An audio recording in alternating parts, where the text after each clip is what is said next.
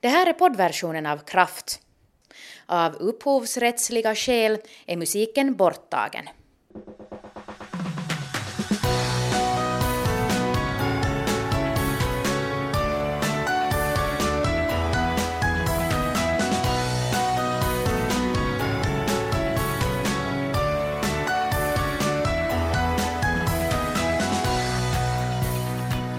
Välkomna till veckans avsnitt av Kraft där vi ska fundera på vad vi sätter i oss och varför. Och vi som funderar på det här är Nanette-Marie Forström. Och jag heter Kira Schröder. Vi kommer bland annat att höra en celiakiker som kanske lite så här överraskande inte helt nöjd med trenden att också människor som inte är överkänsliga för gluten börjar äta glutenfritt. Och så dyker vi ner i mjölkens historia och granskar mytmakeriet kring mjölken. Minns ni till exempel en sån här reklamsång? Aina kun mä maitoa juon, mä muistan sut ja hetken tuon. Sulle sanoin näkemiin, panit maitoa tulemaan. Vaikka kaupungissa kaikkea on, kuitenkin olin onneton. Sua aattelin mä aina vaan, päätin lähteä tulemaan. Och så ska vi ta oss en titt på det här med så kallade supernäringsämnen. Vad får man påstå om en matvaras hälsoeffekter och är supermaten verkligen så super som det påstås? Nu ska vi tala om celiaki, alltså glutenintolerans. Senare här i programmet kommer vi att fundera över varför celiaki blev speciellt vanligt bland svenska barn som föddes på 1980-talet. Men först ska vi träffa Gia Forsman Härkönen som har levt med celiaki i 14 år. Även om hon annars är väldigt nöjd med det nu för tiden breda utbudet av glutenfria produkter så längtar hon ofta efter bullar och det är tydligen något som är ganska svårt att få till utan gluten så att det blir riktigt bra. Och hon har en hälsning till de som inte måste leva glutenfritt av medicinska orsaker men ändå väljer att göra det. Jag skulle också säga att de som vill äta glutenfri kost utan att vara allergiker är att njut av den där maten som ni får äta. För att det är inte alla som får äta den maten som ni skulle få. Ja, det var alltså Gia Forsman Härkönens hälsning till människor som undviker gluten i maten, även om de inte skulle vara tvungna till det. Själv har Forsman Härkönen avstått från gluten på grund av medicinska skäl. För 14 år sedan konstaterades hon ha celiaki, en sjukdom där glutenproteinet i spannmål såsom vete, korn och råg orsakar en autoimmun reaktion i tarmluddet. Hos en celiakiker leder glutenintag till att kroppen börjar förstöra tarmluddet som behövs för att uppta näring ur maten. Jag träffar Gia Forsman Härkönen på ett vegetariskt café i Hagnäs och även om just det här stället hör till hennes stamställen där de flesta maträtter brukar vara glutenfria så frågar hon ändå för säkerhets skull om den lilla biten råkaka med choklad innehåller gluten. Moi! Moi! Hei, onko täällä minkäännäköistä gluteenitonta suolasta? Hmm, meillä on noin Tää haakapiirakka. Mä vielä tarkistan, että se varmasti on ihan gluteeniton. Tossa ei lue ainakaan ihan suoraan. Yes. Cafépersonalen säger att det är rätt så vanligt att kunder frågar om gluten. Men Gia Forsman Härkönen har inte alltid behövt göra det. Det hela började för 14 år sedan när hon plötsligt fick en rad oförklarliga symptom. Det gick alltså till så att plötsligt så började min hälsa och allmänna välmående så det blev helt enkelt det blev sämre och jag fick influensor och jag fick till exempel bihålsinfektioner och sådana väldigt lätt. Och så var min hemoglobin också, den sjönk till under 100. Och jag, bara, jag, jag mådde hemskt illa och sen började jag få magkramper och allt möjligt annat. Och sen alltså till slut så, så gick det till så att ingen mat egentligen hölls mera inne när jag åt, så att det blev verkligen illa.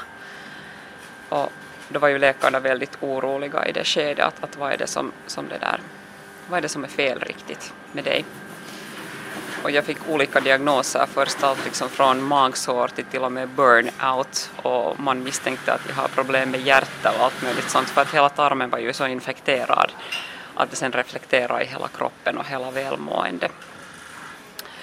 Ehm, det var i slutet på 1990-talet och då var inte glutenallergi heller så hemskt känt. Så att det tog cirka sex månader för, att, för mig att få den här diagnosen. Två veckor efter att jag hade påbörjat min glutenfria diet så började jag må, jag märkte av att jag började må hemskt mycket bättre. Diagnosen, diagnosen för glutenallergi eller celiaki så det kändes faktiskt mest som en lättnad att få en sån diagnos för det är ju någonting som man kan ta hand om bara med att äta eh, glutenfri kost och mat. Så att det kändes verkligen som en lättnad efter att man hade misstänkt att jag har magsår och problem med hjärta och sådana saker. Hur enkelt skulle du säga att det är enkelt eller svårt att leva med en glutenfri kost idag? No, nu för tiden så är det hemskt lätt att vara glutenallergiker och det är hemskt lätt att hitta glutenfri mat. Men det var ju inte situationen då för 14 år sedan när jag fick min diagnos. Um, nu för tiden så är det, träffar man jättesällan på till exempel restaurangpersonal som inte skulle veta vad glutenallergi innebär. Ehm, um, utätande är, det är liksom problemfritt kan man, helt, kan man säga. Att sen när man bjuds hem till någon så väljer man ju antingen att berätta eller inte berätta om sin diet och då får man ju liksom leva upp till det också att antingen så har man sen där någonting på bordet eller också har man inte sen någonting som man kan äta. Och väljer man att inte berätta så då får man ju liksom skylla sig själv. Kan du berätta vad är det egentligen som händer om du som glutenallergiker, celiakiker får i dig gluten? Så där, överlag så är det ganska svårt att säga att vad det är som händer om jag får i mig gluten eftersom jag har inte blivit testad på det sättet att, att om jag äter nu gluten, att, att hur ser till exempel min tarm ut efter det? Eller vilka symptom? För att det här är ju någonting som man måste ta hand om till 100 procent. Um, men alltså det värsta är ju att eh, uh, gluten skadar tarmludden. Och för tarmludden att återhämta sig så tar det 3 till 12 månader. Vad det innebär igen i sin tur är att, att immuniteten försvagas och då kan man få hemskt mycket flunsor eller just andra sådana infektionssjukdomar lättare, vilket alltså jag hade då för jag blev diagnostiserad. Så man kan få sådana hemskt mycket lättare så att, att det kan ta liksom upp till 12 månader före man återhämtar sig. Men symptomen kan vara sådana att man inte känner igen att vad det beror på för att flunsor kan man ju få annars också. Men med det där sådana symptom som man får genast så kan vara magkramper eller allergiska reaktion på, på hyn men sen just de här långvariga symptomen så kan vara just det att immuniteten försvagas och man kan inte uppta vitaminer och mineraler på samma sätt i sin kropp. Så det är viktigt att ta hand om det här till 100 procent. Ja. Nu när du säger att, att man ska ta hand om det till 100 procent så uh, det betyder alltså att du inte kan få i dig ens en liten brödsmula, är det så? Um, det som har forskats är att det räcker med 0,04 gram av, eller var det till och med 0,04 mikrogram av gluten um, för en celiakiker sen för att få sådana här symptom och för att den här tarmludden sen skadas. Så det stämmer att alla, alla det där celiakiker så, så, eller glutenallergiker så borde ta hand om det här till 100 procent, att man borde inte ens få en liten brödsmula i sig. Um, I hurdana produkter finns gluten? Jag antar att de flesta känner till pasta och bröd till exempel, men, men finns det på sådana mer överraskande ställen där man måste veta? Det kan finnas på hemskt överraskande ställen. Vetemjöl, jag tror att citronpeppar är det konstigaste som jag har kommit på att, att innehålla vetemjöl och sådana andra kryddblandningar kan också hålla. Men att så länge som man håller sig till sådana um, ehm, rena rå, råvaror så, så länge så, så brukar allting funka helt bra. Men att visst måste man alltid se efter om man köper något sås just eller kryddblandningar eller vad som helst. Så då måste man ju se efter att, att där inte finns någonting. Ja. Hur är det till exempel om resten av din familj äter vanligt bröd? Kan ni skära det med samma knivar och på samma skärbräden eller hur, hur noggrant är det? Alltså man rekommenderar att man inte skär bröd med samma kniv. Just det. Så att man, man borde alltid använda eh, olika knivar eller också så borde man tvätta kniven däremellan. Har du något exempel på sådana situationer där, där eh, någon utomstående inte har förstått allvaret i om du får i dig gluten? Nu, I Finland så brukar man inte träffa på sådana här situationer nästan alls. Det finns en del restaurangpersonal som frågar att men det här kan innehålla bara lite gluten, att hur allergisk är du egentligen? Det finns sådana situationer men ganska sällan så träffar man på sådana. Att mest så är det kanske utomlands som man kan ha sådana situationer var människor inte riktigt förstår att hur viktigt det är att ta hand om det här. Um, till exempel i, i Kroatien när jag var i Dubrovnik så måste jag skicka fem gånger tillbaka min caesarsallad in till köket för att få den glutenfri. Det har ju på senare tid blivit vanligare att också personer som inte själva har glutenallergi ändå väljer att, att lämna bort gluten ur maten. Vad tycker du om det? Alltså, det har sina goda och dåliga sidor. Eh, I och med att människor ber mera om eh, glutenfria produkter i butiken så blir det ju större urval. Så det, det är bra, det, det tycker vi glutenallergiker såklart om. Men just till exempel det att man äter ute och det finns personal som kommer och frågar att, no, behöver du, att hur allergisk är du egentligen, att behöver du nu ha till 100% glutenfri mat? Så där ser man ju sen igen den här dåliga sidan för att människor tar inte alltid på allvar det sen igen att är du nu egentligen glutenallergiker eller är det bara så att du inte vill äta gluten för någon annan orsak?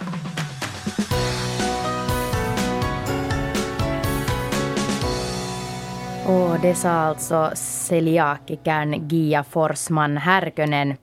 Och nu är det dags att välkomna veckans studiogäst här i Kraft, nämligen Mikael Fågelholm som är professor i näringslära vid Helsingfors universitet. Välkommen. Tack, tack. Är det på något sätt hälsosamt att lämna bort gluten om man inte är allergisk för det? Nej, det, det är det ju inte. För att, för att det, är ju, det är ju så att, att, att om man inte känner sig bra efter att man äter spannmålsprodukter så måste man ju liksom testa och, och, och minska intaget av spannmålsprodukterna. Men att som så är det inte farligt och i största allmänheten, för, för absolut majoriteten av befolkningen, så är det mycket hälsosamt att äta fiberrika spannmålsprodukter. Mm. I Sverige så menar man att det på 80-talet och, och, fram till mitten av 90-talet faktiskt var en, en nästan epidemi av eh, celiaki där antalet celiakiker ökar väldigt mycket väldigt plötsligt och man tror att det har att göra med matrekommendationerna för spädbarn. Det vill säga man, man ändrar rekommendationerna för när man ska introducera välling till småbarn från fyra månader till sex månader och då hade många slutat amma. Så att de hade slutat amma och sen började de få välling och dessutom ökar man eh, mängden av mjöl i vällingen. Och då är det äh, svenska forskare som menar att, att det här, de här förändrade kostvanorna så att säga hos en viss generation bebisar ledde till att det idag finns ganska mycket unga vuxna i Sverige med äh, celiaki. Va, har du hört om det här? Jo, jo det har jag. Ja, det där, ni skickade ju den här rapporten åt mig före, före den här intervjun så att jag gick också dit och och kolla litteraturen och, och, och diskutera med ett par kollegor som, som, som det där forskar ännu mera med småbarn. Och, och det, där, det vet man nu idag vet man först och främst att det är viktigt att, att amma till ungefär sex månaders ålder. Det är något sånt som förebygger celiaki, klart. Så att redan det att, att, att om, om det sker en förändring i amningen och, och amningstiden blir kortare, så det här kan redan förorsaka det är att, att vi har mera celiaki nu än, än vad vi har haft tidigare. Men sen den här tidpunkten, när ska man ge barn spannmålsprodukter för första gången? Så forskarna är nu ganska eniga att, att det är någonstans mellan fem och sex månaders ålder tillsammans med att man, man, man fortsätter att amma. Om man ger tidigare, om man ger spannmålsprodukter tidigare, så ökar risken för celiaki. Om man ger spannmålsprodukter klart senare, vid 7-8 månaders ålder, då ökar det också risken för, för celiaki. Så att det, man brukar prata om en sån här ett öpp, öpp, öppet fönster som, som man ska liksom öppna i, i, i rättan tid, inte för tidigt, inte för sent. Man får vara ganska noga där alltså. Jo, men det är ju inte bara spannmålsprodukter som det är frågan om, utan, utan hela första levnadsåret hos barnen, så det är ju ganska sådär kritiskt. Och man ska försöka amma till ungefär sex månaders ålder och sen ska man introducera just uh, spannmålsprodukter och mjölkprodukter och fisk och sånt så där grad, gradvis. Om, om, man, om man är mycket sen med de här alla så, så, så ökar det risken för allergier. Om man för tidigt så ökar det också risken. Vi ska gå vidare här i programmet och vi talar just om trenden att undvika gluten trots att man inte då själv är eh, överkänslig eller konstaterad celiakiker. Och nu ska vi gå över till en annan trend på matfronten, nämligen någonting som kallas supermat eller kanske det som det skrivs ännu mer om den termen superfood. Man kan ju säga att hälsobutikerna nästan svämmar över av en massa bär och nermalda växter som påstås ha olika hälsofrämjande inverkningar. Och försäljningen av de här produkterna ökar, åtminstone i den butikskedjan som Nanette har besökt. Supermaten gör dig piggare, vackrare och yngre. Ger din motståndskraft ett lyft, underlättar matsmältningen, balanserar kropp och psyke, stöder allmänkonditionen, hjälper inlärnings och koncentrationsförmågan på traven och minskar stress, stöder ögonens funktioner. Ja, det finns nästan ingen gräns för vad man kan åstadkomma med hjälp av så kallat superfood, eller supermat om man får tro produktbeskrivningarna eller entusiasterna. Så vad är då egentligen superfood och hur mycket kan man lita på produkternas hälsopåståenden? Jag gick med den här frågan både till en butik som säljer mycket superfood och till en expert på livsmedelssäkerhet. Vi börjar i butiken Ruohonjuuri där försäljaren Irina Toiminen visar upp populär supermat. Joo, eli tämä on tavallisimpia, eli me, no, paljon myytyjä pakurikääpä, mikä on siis kotimainen, täältä saadaan Pohjolasta. Suomen ja Venäjän puolelta kerätään. Pakurikääpää on siis käytetty tuhansia vuosia jo niin kuin suomalaisessakin tämmöisessä niin kuin kansanparannus Sprängtickan inhemsk produkt, en svamp som växer på björkar och har använts i tusentals år inom folkmedicinen, berättar Irina Toiminen och visar på en hylla med brunfärgade påsar. Den används ofta för att höja immunförsvaret och förebygga sjukdomar. Sitten menee paljon leviä.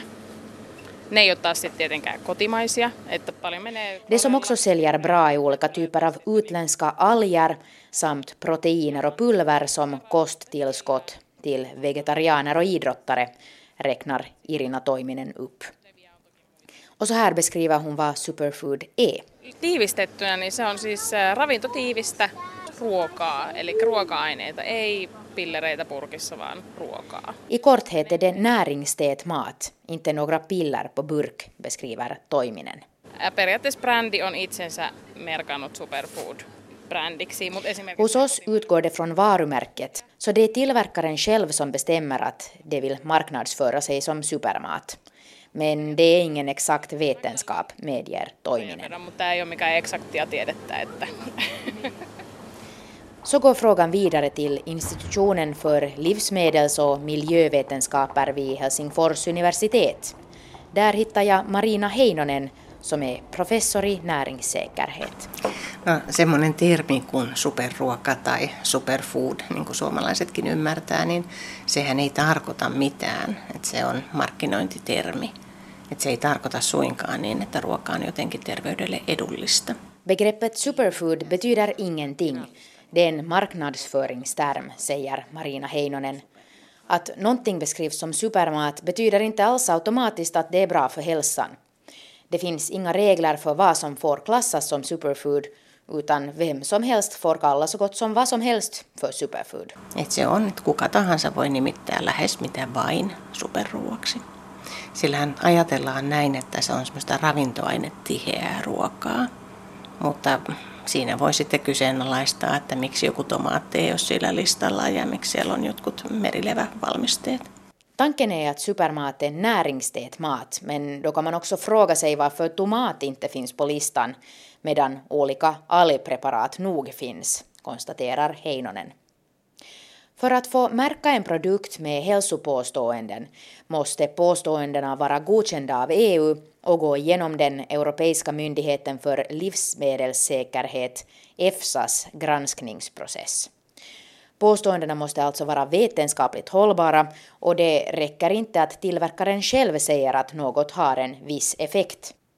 Verkligheten är ändå en annan. Ja Suomessakin äskettäin tehtiin tämmöinen valvontaoperaatio, että käytiin läpi, kuinka hyvin yritykset nyt noudattaa näitä terveysväitteitä tai sitä asetusta. Ja havaittiin suuria puutteita ja erityisesti ravintolisäpuolella, joihin monet näistä superfoodeista kuuluu. Heinonen berättar att det nyligen gjordes en granskning av hur väl företagen i Finland följer EU-direktivet om hälsopåståenden.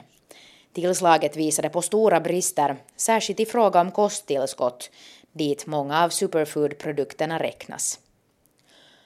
I Ruohonjuuri berättar försäljaren Irina Toiminen att butiken inte kontrollerar ifall hälsopåståendena på produkterna de säljer har fått grönt ljus av EU. Ei, ei periaatteessa, eli mehän ollaan ruokakauppa. Me saadaan myydä ruokatuotteita, lisäravinteita. Mm. Eli me, me niin kuin tavallaan me otetaan sitä valikoimaa, mitä meidän asiakkaat haluaa ja pyytää ja mikä meillä niin kuin liikkuu. Eli tavallaan Nej, inte egentligen. Vi är en matbutik och vi får sälja mat och kosttillskott. Vi tar in de produkter kunderna vill ha i vårt sortiment. Supermaten säljer bra och är en växande trend som påskyndas av vad Toiminen beskriver som en smoothie och raw food-kultur. Professor Marina Heinonen håller med om att det inte är på affärernas ansvar att hålla koll på hälsopåståendena, utan det här ansvaret ligger hos tillverkarna. De finländska myndigheterna drar dagligen bort produkter från marknaden på grund av att de är felmärkta. Då tillverkarna lovar mer än vad de har grund för handlar det om att vilseleda kunderna. Jos mä ajattelen, että puhutaan niin terveysväitteistä, mm. jotka ei ole tosia, niin sehän on kuluttajan harhaanjohtamista ja se on kielletty elintarvikelaissa. Ja minä en ainakaan halua tulla harhaan johdetuksi. Kyllä minusta saa olla tuotteita markkinoilla, mutta sitten ne viestit täytyy olla todenmukaisia. Et minusta on ihan mukavaa, että on vaihtoehtoa, mm. mutta ei, ei se semmoinen, että viilataan linssiin, niin se ei minusta ole oikein. Och till sist här så hörde vi professor Marina Heinonen som sa att åtminstone hon inte vill bli vilseledd som konsument och att det ju faktiskt är förbjudet enligt livsmedelslagen.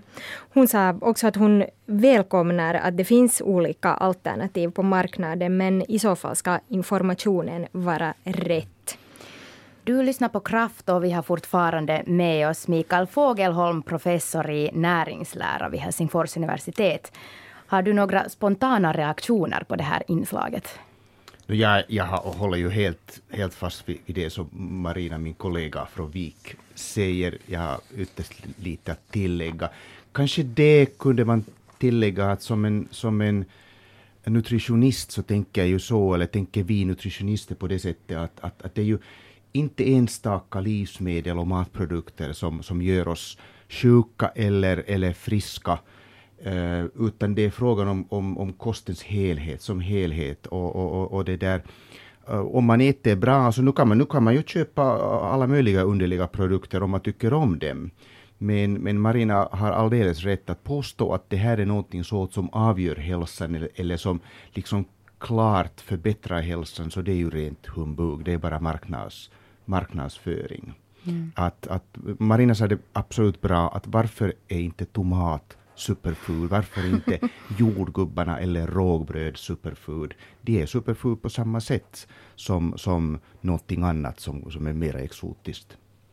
Ser du någonting problematiskt i det här med den här marknadsföringen? Ja, det enda vad man kunde tänka sig är det att det kan finnas vissa människor som liksom inte sen fäster vid den här kostens helhet, utan de tänker att, att nu att när jag köper två olika superfoods så de liksom avgör allting och jag kan sen leva på vilket sätt eh, jag, bara vill. Att jag, men, men det där, det som troligen är sanningen är det att människorna som i största allmänheten är intresserade av sin hälsa, så de köper också superfoods. superfood, så troligen så, så skadar det nu ingen. Men att teoretiskt så finns det just den möjligheten att, att liksom en individ tänker att det här är det enda vad jag, vad jag liksom behöver göra. Mm.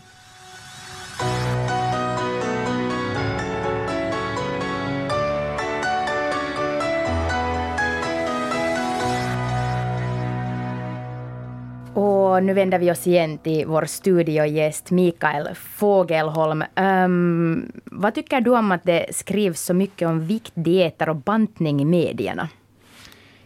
Ja, nu är det ju lite, lite störande på det sättet att, att, att eh, det gör så att det, det, är många människor som inte borde egentligen gå ner i vikt och inte borde bekymra sig över sin vikt, så nu blir det hemskt, hemskt bekymrade. Och, och jag tror att speciellt för kvinnor och för vissa kvinnor kan det kan det i, i mest allvarliga situationen så leda till ätstörningar. Så att man borde nog kanske vara lite försiktigare med det vad man skriver om bantning. Mm. Uh, vad skulle du säga att är de största myterna när det gäller viktminskning? No, det finns ju ganska många egentligen om man börjar fundera på det. Och, och kanske det första är det att människorna tänker att, att det är alltid bra att gå ner i vikt. Mm. Och det stämmer ju inte för att, för att det är endast bra att gå ner i vikt då om man har viktrelaterade hälsoproblem.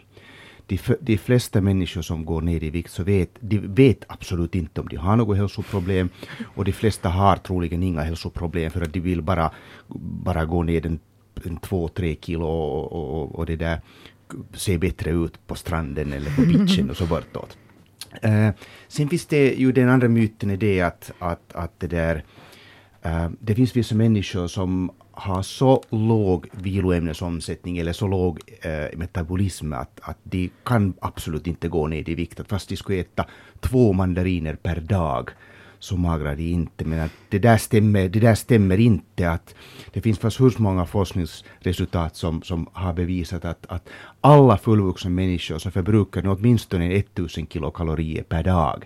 Mm. Att, att, att om man inte går ner i vikt så det bara tyvärr frågan om det är att man äter mer än vad man tror sig äta, eller man rör på sig mindre än vad man tror sig röra på. Och den kanske tredje myten som jag gärna tar fram med det är att, att det finns ju vissa idéer att, att, att det finns, det här kopplas lite med här superfood, mm. att det finns vissa livsmedel som på något sätt börjar förbränna fett och att, att om man äter till exempel grape eller något, ananas eller något sånt där, så, så det är det enda vad man ska liksom göra om man går ner i vikt hur mycket som helst. Men att det där stämmer inte heller. Att man går ner i vikt då om man äter mindre, om man får energiintaget är mindre än energiförbruket. Mm. Det där kan man ju säga att det är en sån här gammal sanning som, som säkert de flesta har hört och, och också äh, tagit till sig. Eh, men det sägs också i relation till det här att det enda som funkar eh, verkligen när det gäller bantning är att göra just på det här sättet att det ska vara en bestående livsförändring. Och det sägs ofta att ganska ofta om man, om man gör en, en hård bantningskur så att säga så kommer de här uh, kilorna tillbaka. Är, är det så? Absolut, det, det, är absolut just, just precis så. Och det här beror på två olika saker. Först och främst det att om man går ner i vikt hemskt fort så förlorar man också, det är inte bara fett som man förlorar, mm. utan man förlorar till exempel också vätska. Och den vätskan får man ju tillbaks inom ett par dagar sen när man slutar banta. Och sen en annan sak är det att om man går mycket fort ner i vikt så förlorar man också muskler. Att, att man förlorar inte bara fett utan protein, speciellt muskel. Och då sjunker ju viloämnesomsättningen och sen när man slutar banta så behöver man ju mindre energi för att när man har förlorat muskler som, som förbrukar mycket energi. Och de flesta som har gått ner 10 eller 15 kilo och om, om de inte förändrar sina, sin livsstil från det som de hade före de banta, så då kommer du tillbaka till den där ursprungliga vikten. Att, att, att om man lever som en 100 kilos kilos människa och går ner till 90 kilo men fortsätter leva som en 100 kilos människa, så då är man snart 100 kilo igen. Mm. Nå, hur är det då det där, uh, ska man satsa på att äta mindre eller motionera mera om man vill gå ner i vikt? No, om man vill gå ner i vikt så nu måste man, då, då, då måste man nog äta mindre. Uh, fysisk aktivitet är lönsamt, det är bra och det är hälsosamt. Det förbättrar liksom kvaliteten av viktförminskningen. Man förlorar mindre muskel och man, man förlorar mera fett. Men det bidrar inte så hemskt mycket till kilona. Sen är det också liksom om man tänker på, på, på hälsan, så om man tänker på, på lipiderna, på fettämnesomsättningen, sockeromsättningen, så, så igen är det, ny, det är nyttigt att röra på sig då när man förlorar vikt och, och, och, och ännu mer efter, efter att man har gått ner i vikt. Men om man vill gå ner i vikt 5 kilo eller 10 kilo så är det nästan, jag skulle säga, nästan omöjligt utan att förändra kostvanorna och äta, äta mindre. Är det så också att man lätt tror att om man motionerar lite mer än vanligt så kan man också äta mycket mer än vanligt? Mm. Att det här inte riktigt är i relation? Ja, det, det, kan, ju, det kan ju stämma, men, men det är på det sättet, det är alltid bra att motionera. Att, att fast man inte skulle, om man har hälsoproblem som, som på något sätt är relaterade till fett, man börjar motionera fast man inte skulle gå ner i vikt. Mm. Så det är liksom ändå positivt om man tänker på hälsosynpunkterna. Och man har ju i forskning, i, i sådana här befolkningsstudier, så har man jämfört människor som är feta, men de är i bra kondis, mm. äh, mot människor som, som är, är feta i dålig kondis. Så till och med skulle jag säga att vara i bra kondis och vara lite överviktig så är, är bättre än att vara i dålig kondis och ha normalvikt. Så på det sättet är det, allt nog, det är nog viktigt att röra på sig. Mm. Det där, vi har faktiskt med Kira testat en sån här modediet, mm. sån här partiell fasta. Uh, men inte alltså den här 5-2 som alla talar om där man då äter i två dagar och fastar mm. i fem, utan vi har testat en sån där man... 5-2 är nog det tvärtom, man fastar i två dagar och äter fem Ursäkta, just det. Så bra att du korrigerar mig där. Vi har, men vi har åtminstone det där ätit i tio timmar per dag och sen då uh, inte ätit i 14 timmar. Mm. Um, det där, vad bygger sån här partiell fasta på? jaha, just det. No, det, tro, det är troligen bara frågan om det att, att, att det där uh, man har mindre tid att äta, så mm. äter man mindre. Eh, var det så att ni fastade på den där tio timmar började på morgonen? Ja, Eller får man, får man börja den när som helst? Man, man, får börja den när som helst, men det var väl alltså meningen att man helst ska göra så att man slutar äta klockan sex på kvällen. Okay, och sen är man... Okay. Äh, egentligen var det väl 12 timmar för kvinnor och 14 timmar för män, för det sägs att kvinnors blodsockernivå mm. ja. äh, är på något sätt känsligare, så man kan inte ta i så häftigt. Men det som alltså hände med mig var att jag lyckades väldigt, med väldigt, väldigt mycket kämpande och mycket dåligt humör, så mm. hålla den här här fastetiden men jag lyckades väldigt sällan äta min middag före klockan sex. Ofta var det kanske nio och ibland till och med ännu senare. Så att det, det var ju inte så bra. Då ledde det till att jag istället måste skippa morgonmålet, vilket jag mm. aldrig gör och vilket jag inte mådde bra av. Mm. Och, det, och det, det, här, jag, jag, tror att det här bevisar nog det att sån här svartvit diet är nog inte så hemskt bra. Jag ser inte så, mycket, så stor idé i, den här eh, dieten. Egentligen till och med om vi kommer tillbaka till den här populära 5-2-dieten ja. som egentligen mm. kanske till och med lite mer intressant än, än sån där 10 timmars fasta eller 12 timmars fasta. Så, så det, där, det är ju ett sätt att gå ner i vikt egentligen, det vet man ju. Det är igen frågan om det att, att, att om man under två dagar äter hemskt lite så kan man inte kompensera det under de där fem dagarna. Och, och det, där, det är ju helt okej, okay. sen går man ner i vikt. Men vad händer sen, sen när man slutar? Mm. Sen har man, man har inte lärt sig någonting nytt. Mm. För att man, det enda vad man har lärt sig är det att två dagar per vecka så har man, man har inte ätit någonting. Om man kan fortsätta på det här sättet, fine, då, då liksom funkar det. Men jag tror att, att, att om man tänker på vårt samhälle så om alla människor skulle fasta på lördagen och söndagen, så då skulle det vara lätt att behålla en sån här 5-2-diet. Men, men eftersom människorna nu brukar normalt äta varje dag så kommer det nog att vara i lång sikt hemskt svårt att hålla sådana här diet. Och nu kommer man tillbaka till det att, att det, vi har tiotals olika sätt att gå ner i vikt. De, vissa av dem är lättare och vissa av dem är svårare. Eh, någon typ av diet passar en och, och en annan typ av diet passar en annan. Men det, det viktiga är det att sen när dieten är slut, sen när man har gått ned i vikt, så sen borde man på något sätt ha ändrat sin livsstil mm. i jämförelse med vad man har gjort före. Och om man inte har lärt sig någonting under bantningsperioden så går det nog ganska dåligt. Det brukar gå dåligt då efter, efter att man har slutat. Det som jag själv tror med just den här som vi gjorde då vi bara åt i tio timmar så, så det tror jag att det hjälper med att man inte kan småäta på kvällen och det tror jag att är en ganska vanlig mm. sak, att man sen där framför mm. TVn eller när man läser någon bok så sitter mm. man och smäller i sig det ena och det andra som man inte lägger märke till. Det har du alldeles rätt och, och egentligen eh, ett problem man tänker på vårt samhälle igen så är det att vi är vana att äta hela tiden.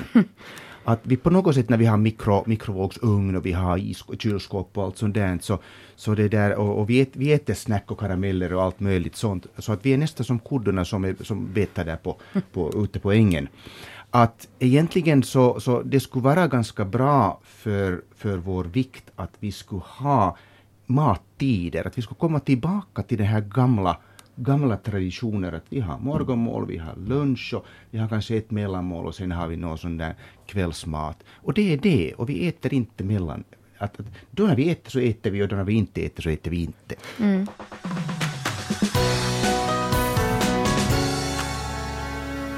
Och nu är det dags för vår historieserie Var allt bättre förr? Där vi bekantar oss med olika hälsorelaterade ämnens historia. Och idag så står mjölk på menyn. Kossorna, kom kom! Hör att de ropar nu. Ska du ropa också på kossorna? Kossorna, vill du gå ut i hagen? Ja, de vill det tror jag. Tror ni? Det, det är katten. Katten? Kossorna, vill du gå ut i hagen? Friska barn med vita tänder och rågblont hår. Sädesfält som vajar i vinden, den pittoreska rödvitmålade bondgården och checka föräldrarna. Och mjölken. Se tulee suomalaisilta tiloilta. Suomalaisilta perhetiloilta. Aina. Täällä lehmät eivät ole vain numeroita. Ne ovat perheen jäseniä. Ja jokaisella on nimet. Vähän niin kuin tuolla Irmalla. Från finländska kor från finländska familjeägda gårdar. Mjölken och familjen är så tätt sammanbundna att till och med korna ses som familjemedlemmar i den här relativt färska reklamen från Finlands största mjölkproducent. Näringsrik och nyttig är mjölken djupt rotad i den nordiska folksjälen och den som inte dricker mjölk är en slusk. En ole koskaan juonut maitoa enkä juo. Jag har aldrig druckit mjölk och jag kommer aldrig att göra det heller, säger en sliten man som ser ut som en nedsupen uteliggare i den här legendariska TV-reklamen. Skickliga reklammakare är duktiga på att rida på myten om den hälsosamma mjölken som vi har druckit sedan urminnes tider. Men de facto har vi inte druckit mjölk här i Norden mer än i ett århundrade ungefär. Det säger etnologen Håkan Jönsson som har doktorerat på mjölkens kulturella betydelse. Det här att vi dricker mjölk, det är en ganska sen eh, företeelse. Det är något som uppstår under andra hälften av 1800-talet. Då blir det också väldigt mycket fler kor. Eh, Kobesättningen i de nordiska länderna fördubblas under bara ett par årtionden under slutet av 1800-talet. Så att eh, det här att dricka färsk mjölk, det är egentligen en ganska modern vana. Vad skulle du säga att mjölken symboliserar i vårt samhälle? Ja, idag är det inte så lätt att säga vad mjölken symboliserar. Möjligen symboliserar den väl lite en förtvinande välfärdsstat. Lite någonting som fanns förr men som i viss mån också är positivt kopplat till familj och eh, lite äldre tiders umgänge. Men om vi tittar 50 år tillbaka i tiden så var ju mjölken i högsta grad en del av en modernitetstanke. Det var alltså att dricka, dricka mjölk, det var att framstå som modern och framåtblickande och inte minst eh, hälsosam. Aina kun mä maito juon, mä muistan sut ja hetken tuon. Sulle sanoin näkemiin, lähdin maalta kaupunkiin. Mä sanoin sulle terve vaan, tuskin enää tavataan. Mä kirjeitä en osaa kirjoittaa, panen maitoa tulemaan. Vaikka kaupungissa kaikkea on... Enligt Jönsson är alltså mjölkdrickandet inget arv från ett förmodernt bondesamhälle, utan den myten är långt skapad och påhejad av mejeriindustrin, som är och har varit väldigt duktig på att driva sina intressen. Ända sedan man började komma med nationella näringsrekommendationer här i Finland på 30-talet så har mjölken varit en viktig del av vår kost för att säkra kalciumintaget. Finska Yle citerar professor Tapani Alatossava som menar att det beror på att mjölken är en så pass bra business i Finland och kritiserar mjölkindustrin för att bromsa alla försök att undersöka mjölkens skadliga effekter. Etnologen Håkan Jönsson har lagt märke till samma tendens. Han poängterar också att mjölken inte alls är nödvändig för vår existens. Ett faktum som talar för det här är att två tredjedelar av världens befolkning uppskattas vara laktosintolerant. Att vi inte är det i lika stor utsträckning här i Finland eller i Sverige beror antagligen på genetiska faktorer. Det är ju så här med människor att vi är allätare. Och vi klarar oss därför på väldigt olika sorters föda. Det enda som vi säkert vet är att vi behöver variation. Och mjölken går alldeles utmärkt in i en varierad kost som vi behöver och eh, mår bra på. Eh, men det är inte så att eh, den, liksom, lika lite som något annat födoämne, är absolut nödvändigt för vår existens. Nödvändig eller inte, så väcker mjölken åtminstone starka känslor. Eller minns ni Mjölkgate år 2010? Aktuellt med Sportradion, klockan är 21. Beslutet av huvudstadsregionens handelslag HK Elanto att byta mjölkleverantör har lett till en ovanlig protest. Statsminister Matti Vanhanen har reagerat med bestörtning. Han säger att han bytte butik efter netta, nästan 25 år som kund och har märkt att mjölkurvalet hade krympt. HK Elanto har valt Arla Ingman som huvudleverantör av mjölkprodukter istället för Valio. Den mjölk som HK Elanto byter till är fortfarande helt inhemsk men billigare än Valios. Kanske speglar mjölkuppståndelser av det här slaget också att mjölken har spelat en viktig roll i det nordiska samhället. Ja, om inte annat så har den haft en viktig del i, i självbilden av att vara nordisk eh, under 1900-talet. Mm. Det var något som så tydligt eh, dels skilde oss från de andra länder också i Europa som vi, som vi började upptäcka. Och det var också någonting som gick väldigt väl i linje med berättelsen om den nordiska, skandinaviska eh, självbilden. Att vi var lite sundare, lite friskare, lite mer naturnära men också lite mer benägna att ta till oss rationella och vetenskapliga argument.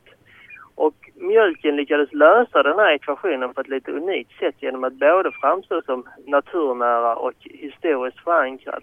Men dessutom var det någonting som förädlades med hjälp av vetenskap och teknik. Den homogeniserades och pasteuriserades och standardiserades och blev en del av uppbyggnaden av välfärdsstaten.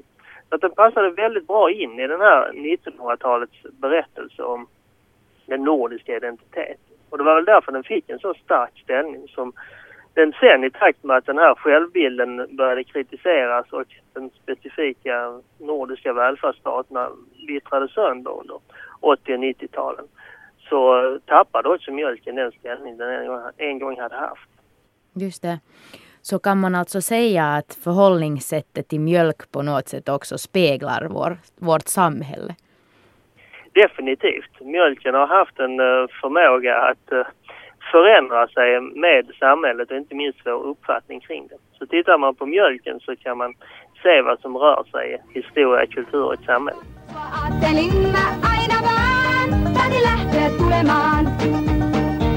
Och vi hörde alltså etnologen Håkan Jönsson här tidigare och vi har fortfarande nu med oss Mikael Fågelholm som är professor i näringslära.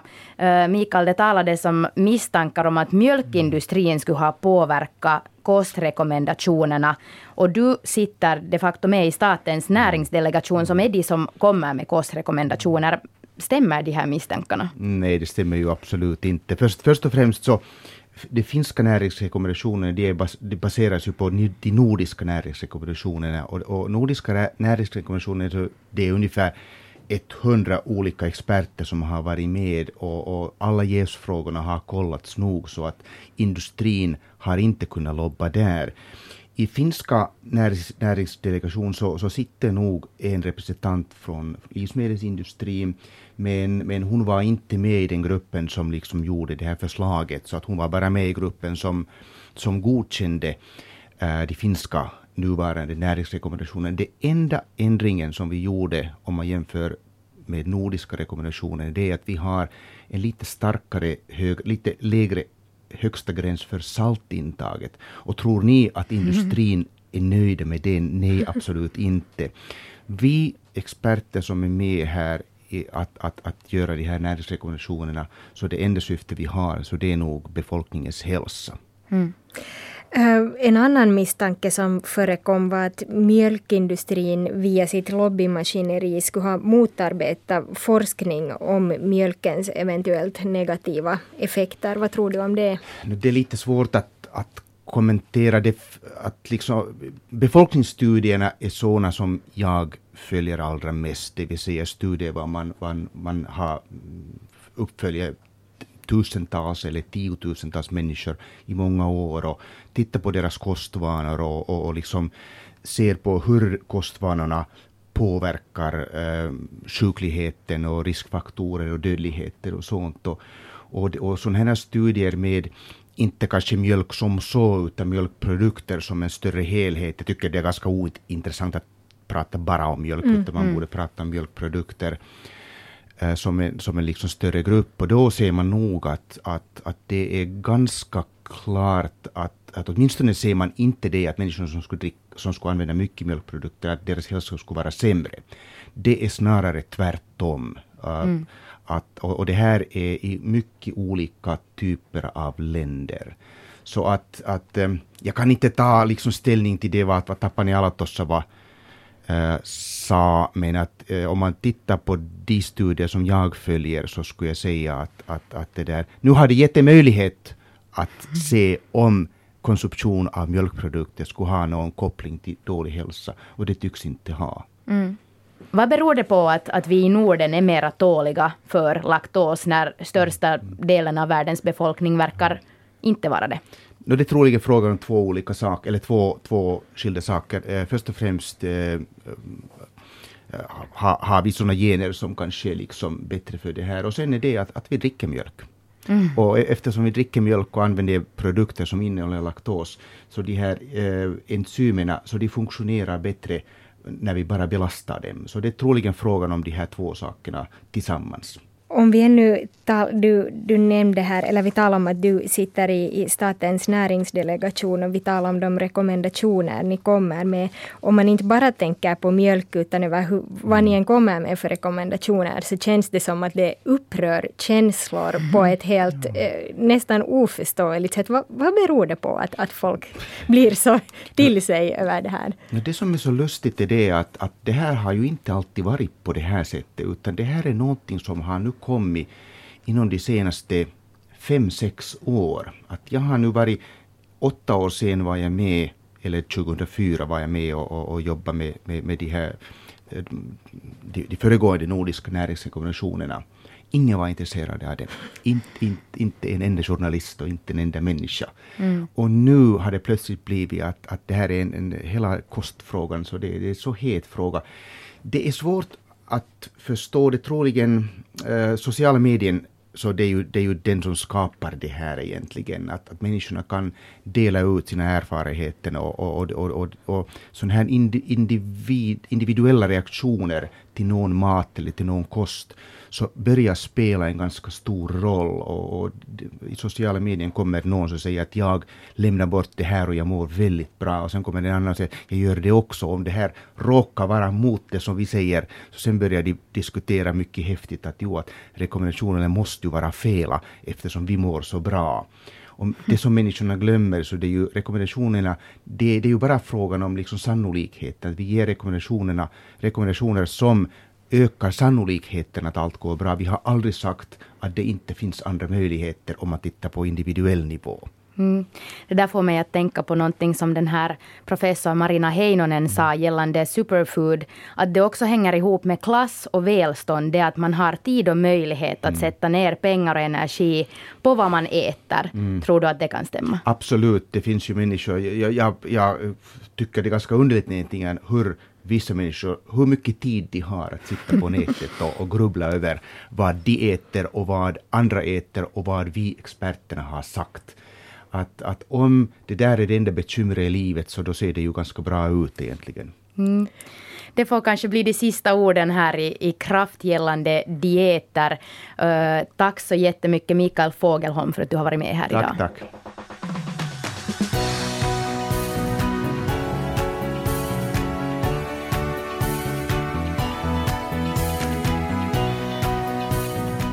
Nu har det igen blivit dags att testa veckans app, som idag är en app för att hålla koll på kaloriförbrukningen. Um, Kira, det är du som har varit i elden den här gången. Vad är det du har testat? Jo, jag har testat en enda sån här kaloriräknare. Jag hade tänkt testa fler, men det tog mig så lång tid att sätta mig in i den här, så det, det blev bara en. Uh, den heter My MyFitnessPal. Um, ehm, och det verkar i alla fall vara en som väldigt många har laddat ner och som uh, man också kan söka i automatiskt på både finska och svenska och engelska. Jag testar inte några andra språk men, men mm. i dens databaser så finns det en massa info så att på, på det sättet var den bra. Uh, det första man måste göra var att man registrerar sig uh, och det är helt enkelt för att den ska kunna räkna ut ens kaloribehov. Du ska säga när du är född, det vill säga hur gammal du är, din vikt och längd och så vidare. Jag brukar tycka att det är lite jobbigt och onödigt att registrera sig, men här i det här fallet så, så har det ju faktiskt en poäng att den blir så att säga personaliserad för en. Och det som den då gör är att den räknar ut ett dagligt sån här riktgivande kaloriintagsmål som är det som den, den uppskattar att man förbrukar. Och sen ska man fylla i uh, morgonmål, lunch, middag och mellanmål. Uh, egentligen allt vad man äter och sen om man rör på sig. Och sen om man går över det här målet uh, så blir det rött och så visar den hur många kalorier man har gått över. Och om man går under så är det grönt, det vill säga uh, som ännu återstår. Okay. Som man skulle få äta. Då blev du på rött eller grönt? Uh, när jag höll på att bli på rött och sen kom jag på att ah, men jag har ju cyklat till jobbet och jag har ju gjort det här och det här och så fyllde jag snabbt i det och sen, sen blev det faktiskt på grönt igen. Så det var ju lite roligt att se att, att fast det inte var så där hemskt otroligt mycket motion, så det här lilla som det sen slängde, så, så blev det på grönt. Och faktiskt igår så blev jag ganska mycket på grönt, så sen började jag äta chokladkex på kvällen bara för att jag tyckte att jag ska ju, mitt mål är här ju inte ändå att banta. Uh, men alltså jag tyckte faktiskt att det var Uh, jag blev ganska jag tyckte att det var obehagligt att det är så matematiskt det här. Mm. Att du liksom ska sitta... Dels var det jättejobbigt före jag kom på hur den funkar. Jag försökte fundera allt vad jag hade ätit på morgonen. Hembakade, det brukar inte vara hembakade semlor, men den här gången råkade det nu vara det. Så jag hade jättesvårt att fundera att hur mycket kalorier är det i en hembakad semla? Hur många ostskivor var det nu jag åt?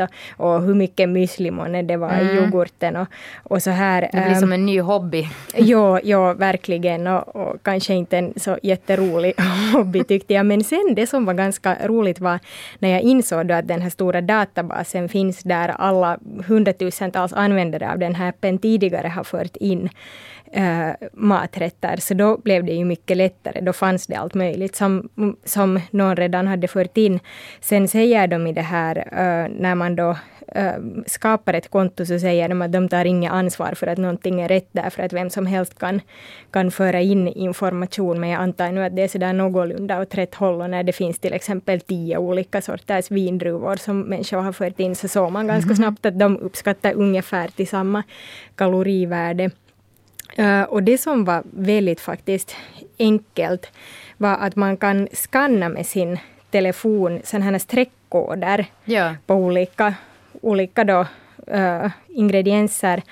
Och sen säger den vad det är och hur många kalorier det är. Sen är det lite jobbigt att ibland anger de det per 100 gram eller per portion och sen måste du fundera att no, hur många gram var då det här och jag har ingen sån här våg som man skulle kunna mäta med så det var alltså det tog mig otroligt lång tid att, att göra allt det här och, och på sätt och vis var det ganska roligt, speciellt som, som nu bara för att testa hur det fungerar.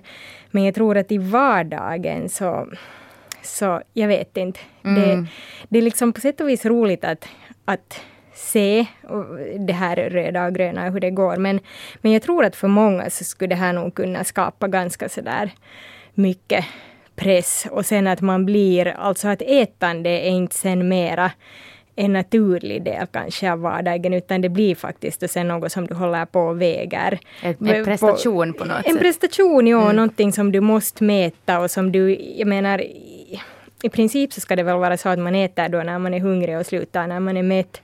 Men, men här börjar man sen fundera att borde jag nu ha ätit lite flera chokladkex ändå så att jag, jag inte liksom är allt för mycket på minus eller borde jag, och nej att nu har jag ätit helt för mycket och varför drack jag rödvin liksom på kvällen mm. och så här.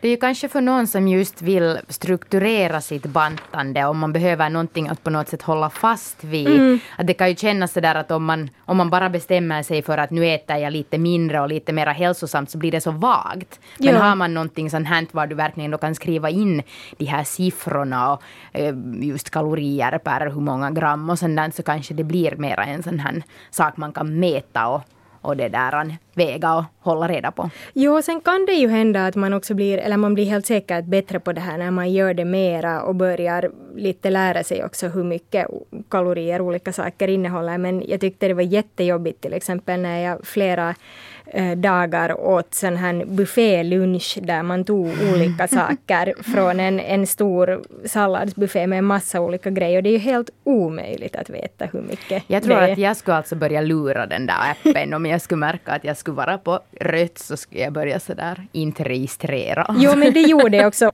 Så den kan säkert vara helt effektiv men jag tror att jag nog inte kommer att fortsätta använda den här ändå.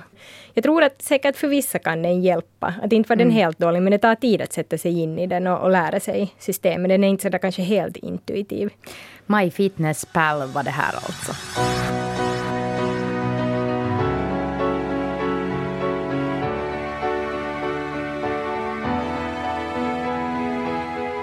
Med det här slutar hälsoprogrammet Kraft den här veckan och vi kan tipsa om att vårt program också finns att ladda ner som podcast och att nästa veckas program kommer att handla om fothälsa. Jo, då ska vi bland annat höra om hur balettdansare tar hand om sina fötter. Vi som har gjort det här programmet heter Kira Schröder och Nanette Marie Forström. Och ni kan kontakta oss på mail at outhousemedia.fi om ni vill ge respons på programmet. Vi hörs nästa vecka.